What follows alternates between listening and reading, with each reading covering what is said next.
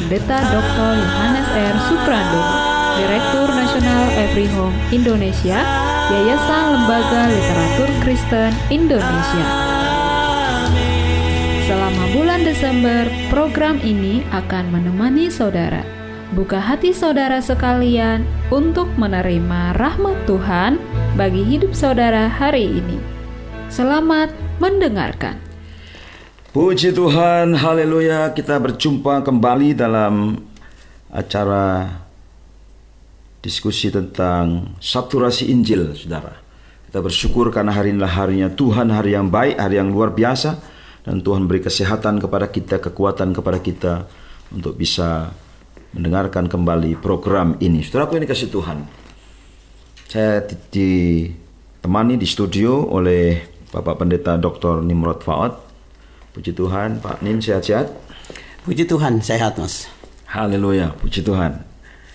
Kita diberi kesempatan untuk berbincang-bincang kembali, saudara. Kita akan melihat Rasul Paulus, ya sebagai seorang rasul dia meletakkan dasar-dasar iman kepercayaan yang mempengaruhi seluruh gereja Barat, saudara.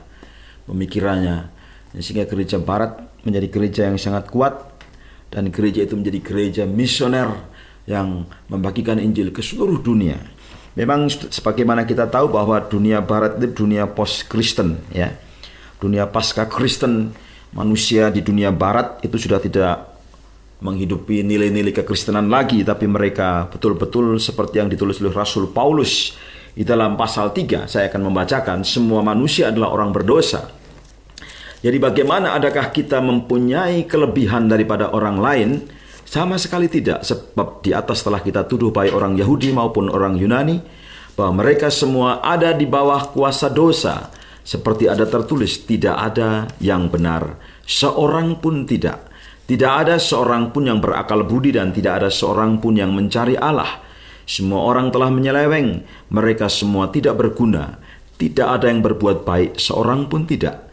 Kerongkongan mereka seperti kubur yang ternganga, lidah mereka merayu-rayu, bibir mereka mengandung bisa, mulut mereka penuh dengan sumpah serapah, kaki mereka cepat untuk menumpahkan darah, keruntuhan dan kebinasaan mereka tinggalkan di jalan mereka, dan jalan damai tidak mereka kenal. Rasa takut kepada Allah tidak ada pada orang itu.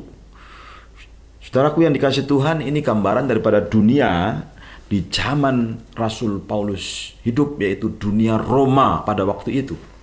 Kebejatan masyarakat di Roma digambarkan dalam ayat ini dan mereka mengalami keruntuhan sebagai bangsa, sebagai kekaisaran karena dosa yang sudah merajalela di tengah-tengah kehidupan bangsa ini. Mungkin Pak ini bisa menggambarkan kepada semua yang mendengarkan program ini bagaimana dunia yang berdosa di zaman sekarang ini dan seperti ayat tadi katakan tidak ada yang benar seorang pun tidak.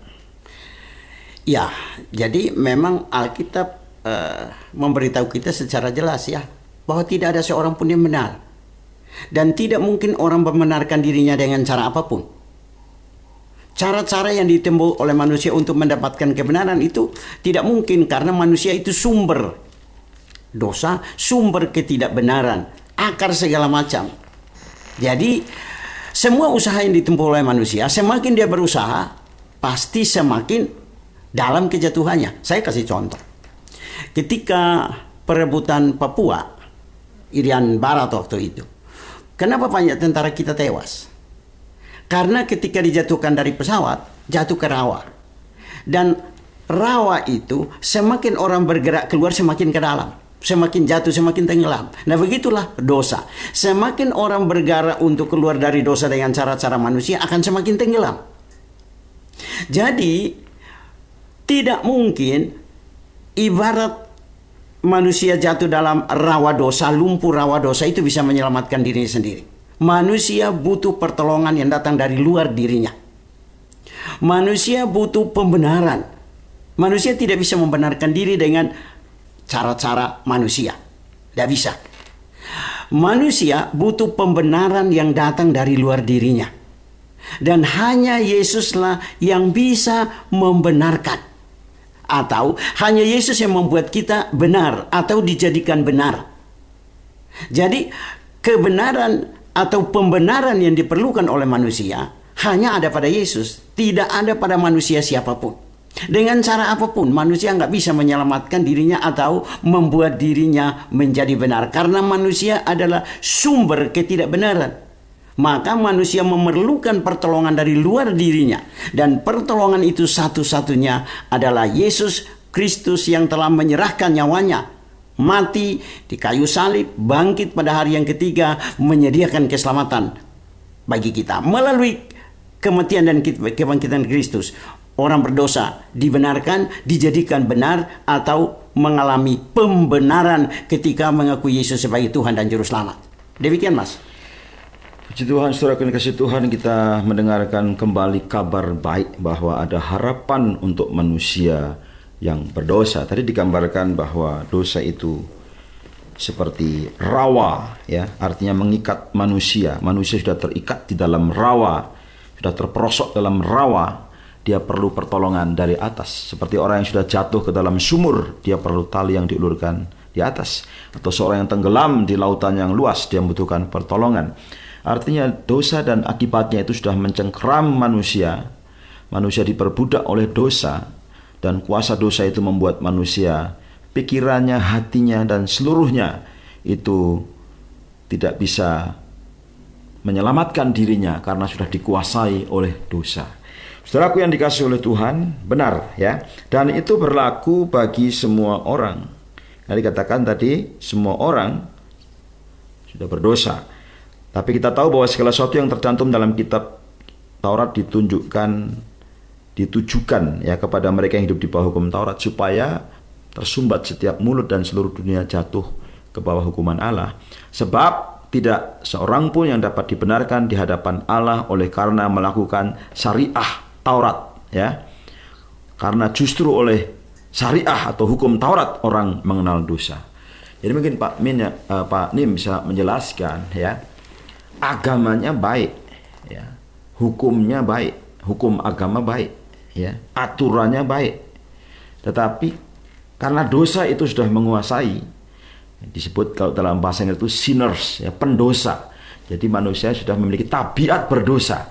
Nah, sehingga walaupun agamanya baik, tetapi orangnya tetap orang berdosa sehingga tidak bisa selamat oleh karena kelakuan atau perbuatan-perbuatannya dia harus mendapat pertolongan dari tempat yang maha tinggi, pertolongan dari atas. Silakan Pak Nim. Ya, jadi eh, sekali lagi bahwa dosa sudah membuat semua orang putus hubungan dengan Tuhan. Tidak ada seorang pun. Nah, karena itu maka sebenarnya manusia hanya ditolong dari luar dirinya. Yesus katakan, bukan apa yang masuk ke dalam perut yang merusak, yang menajiskan, tapi apa yang keluar dari hati, keluar dari dalam diri manusia itulah yang merusak. Nah, oleh karena itu, manusia tidak bisa memperbaiki dirinya dari faktor-faktor luar. Pendidikan itu baik, tapi pendidikan tidak bisa merubah akhlak keberdosaan manusia. Teknologi yang sekarang begitu luar biasa majunya juga tidak bisa memperbaiki komunikasi manusia dengan Allah. Bahkan sekarang teknologi dimanfaatkan untuk melakukan perbuatan-perbuatan yang tercela. Jadi apa pun yang dibuat oleh manusia karena manusia itu sumber masalah, sumber dosa, maka manusia harus ditolong dari luar dirinya. Manusia sudah mati dalam dosa, maka manusia harus dibangkitkan dari kematian itu. Kematian rohani yang dialami oleh manusia itu itu begitu dasarnya. Sehingga manusia hanya bisa ditolong dari luar dirinya dan yang bisa menolong manusia dari luar dirinya untuk bebas dari dosa hanya satu. Yesus datang ke dalam dunia ini untuk menyelamatkan orang berdosa. Kata Paulus, akulah terlebih besar dosaku, tetapi Allah telah menyelamatkan aku. Jadi sebenarnya kalau kita membaca surat Roma ini juga kita membaca bagaimana Paulus diselamatkan dari kebejatan. Kita tahu Paulus ini seorang pembunuh, seorang yang ganas. Tetapi kemudian kenapa dia jadi seorang pemberita Injil? bahkan menulis sekian surat dalam perjanjian baru karena perjumpaan Paulus dengan dengan Yesus di pintu kota Damsik itulah membuat dia menjadi dari kelakuan Saulus menjadi Paulus menjadi pemberita Injil jadi ceritanya bahwa manusia tidak bisa memperbaiki dirinya dengan cara apa pun Manusia hanya memerlukan pertolongan yang datang dari dirinya, yaitu dari Allah di dalam Tuhan Yesus Kristus. Cara apa pun, tidak mungkin untuk menolong manusia. Hanya cara yang disediakan oleh Allah. Kenapa? Karena Allah menciptakan manusia dan Allah Allah lah yang tahu cara untuk menyelamatkan manusia. Maka kalau mau selamat tidak ada cara lain yang di, disediakan oleh manusia, disediakan oleh dunia kecuali cara yang disediakan oleh Allah yaitu Yesus datang ke dalam dunia untuk menyelamatkan dan membenarkan orang berdosa karena percaya dan beriman kepadanya. Demikian Mas. Puji Tuhan, haleluya. Kabar baik kita dengarkan kembali masalah manusia itu karena dosanya sudah terputus hubungannya dengan Allah. Artinya bahwa Allah itu kudus, manusia berdosa, sehingga kekudusan dan dosa tidak mungkin bersatu. Itu yang memisahkan, yaitu dosa itu sendiri. Dan saudara, dalam kitab-kitab uh, Rasul Paulus juga, ya kitab Roma di di bagian yang lain juga dikatakan bahwa manusia membutuhkan berdamai dengan Allah karena dosa itu membawa permusuhan antara Allah dan manusia. Saudara yang kasih Tuhan tadi Pak Nim sudah menjelaskan saudara kemudian uh, jalan keluarnya ya dari hubungan yang putus itu yaitu melalui iman kepada Tuhan Yesus Kristus. Berarti ini ada beberapa hal yang saudara harus catat baik-baik dari diskusi kita. Yang pertama, manusia itu di bawah kuasa dosa, ada hukum dosa. Diperbudak Jadi, dosa. Ya, diperbudak, dikuasai oleh dosa, ditaklukkan oleh dosa. Dia tidak bisa menyelamatkan diri sendiri. Tabiatnya sudah berdosa, sudah rusak. Karena itu kita melihat dalam satu era di mana hukum Taurat diberikan kepada orang Yahudi dan ternyata orang Yahudi menerima hukum Taurat, orang Yahudi tetap menjadi pelanggar hukum Taurat. Artinya ini menjadi masalah juga karena apa? agama juga tidak menyelamatkan ternyata orang Yahudi itu ya tetapi saudara di sini ada kebenaran yang diperhitungkan ya yaitu kebenaran Allah karena iman dalam Yesus Kristus bagi semua orang yang percaya dan ini tidak ada perbedaan. Ini berlaku bagi orang Yahudi maupun non-Yahudi.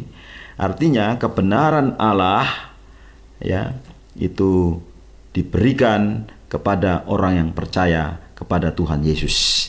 Semua orang telah berdosa, telah kehilangan kemuliaan Allah dan oleh kasih karunia, oleh rahmat Allah, oleh anugerah Allah telah dibenarkan dengan cuma-cuma karena penebusan dalam Kristus Yesus.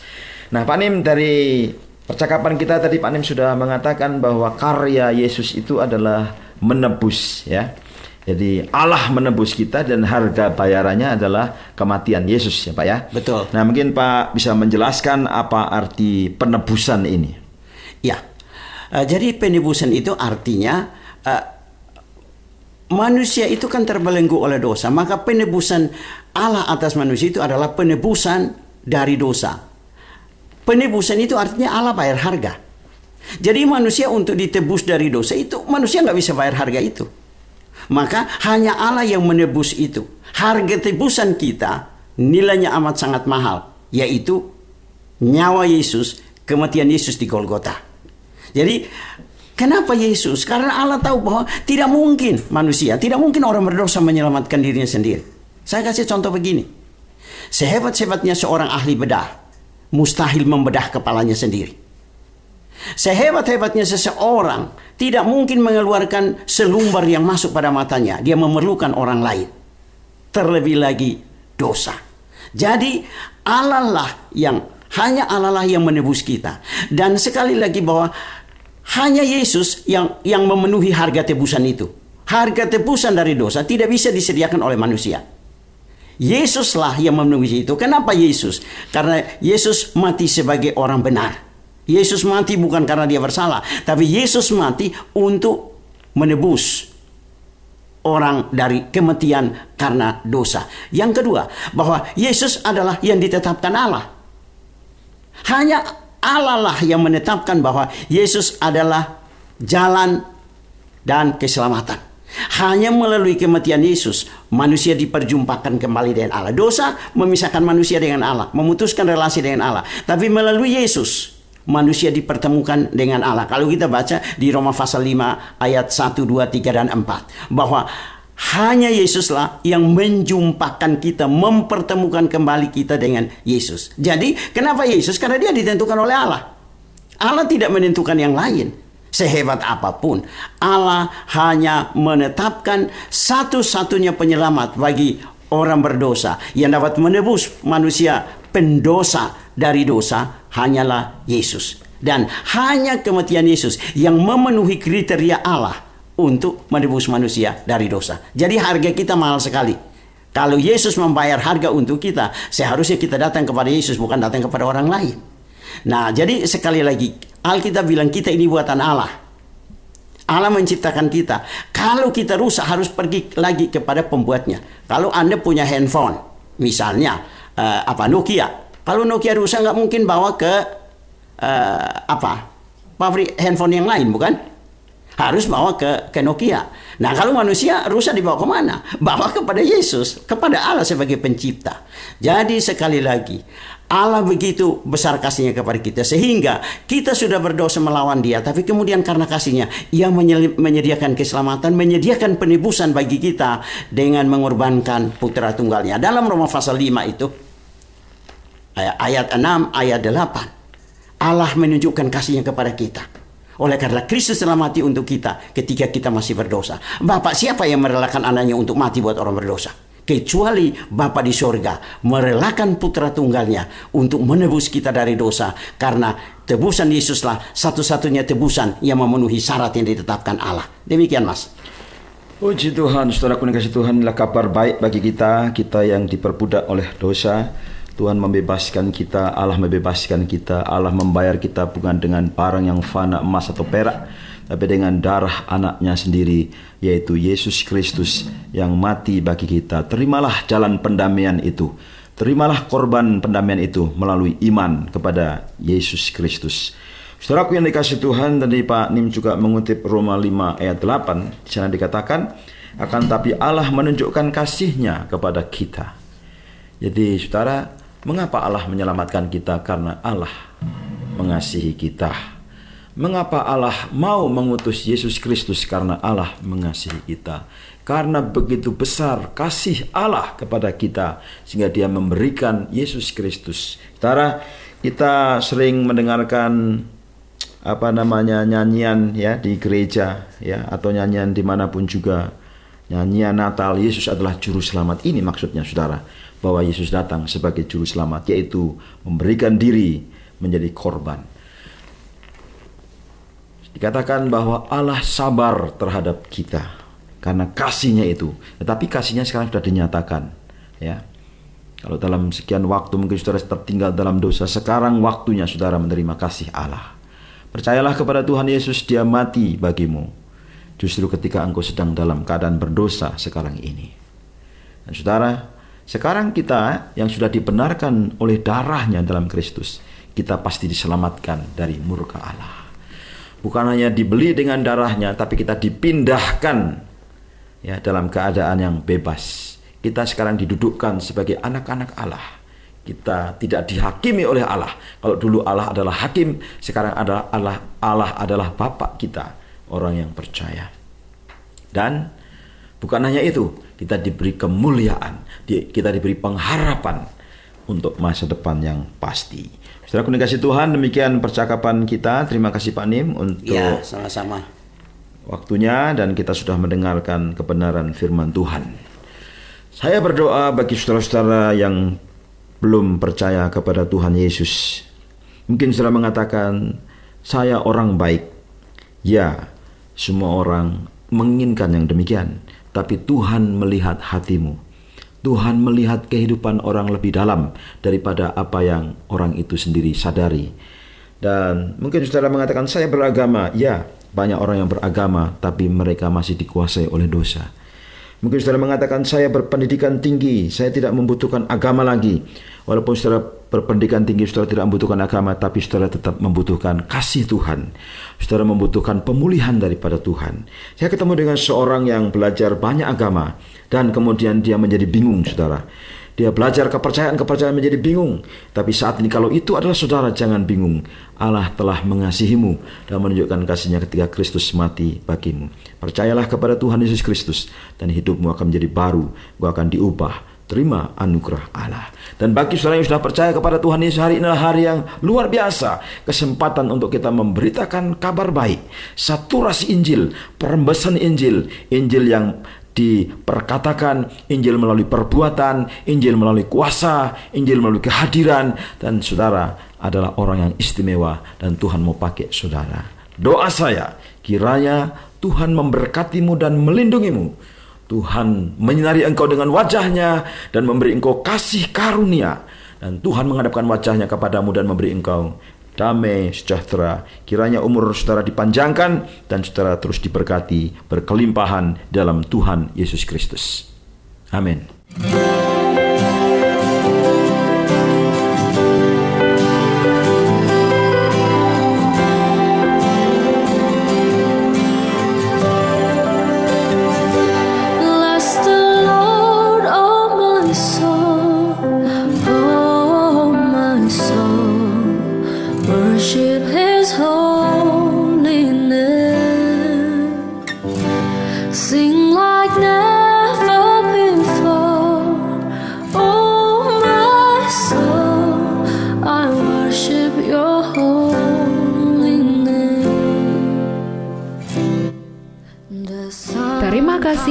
Sudah mendengarkan program Rahmat Tuhan bagi seisi rumahmu bersama Pendeta Dr. Yohanes R. Suprandono. Jika Anda membutuhkan bacaan rohani dan dukungan doa, saudara dapat menghubungi kami di nomor 0877 8801 0003 atau kunjungi platform digital kami di www.everyhomeindonesia.com dan at everyhomeindonesia. Tuhan Yesus memberkati.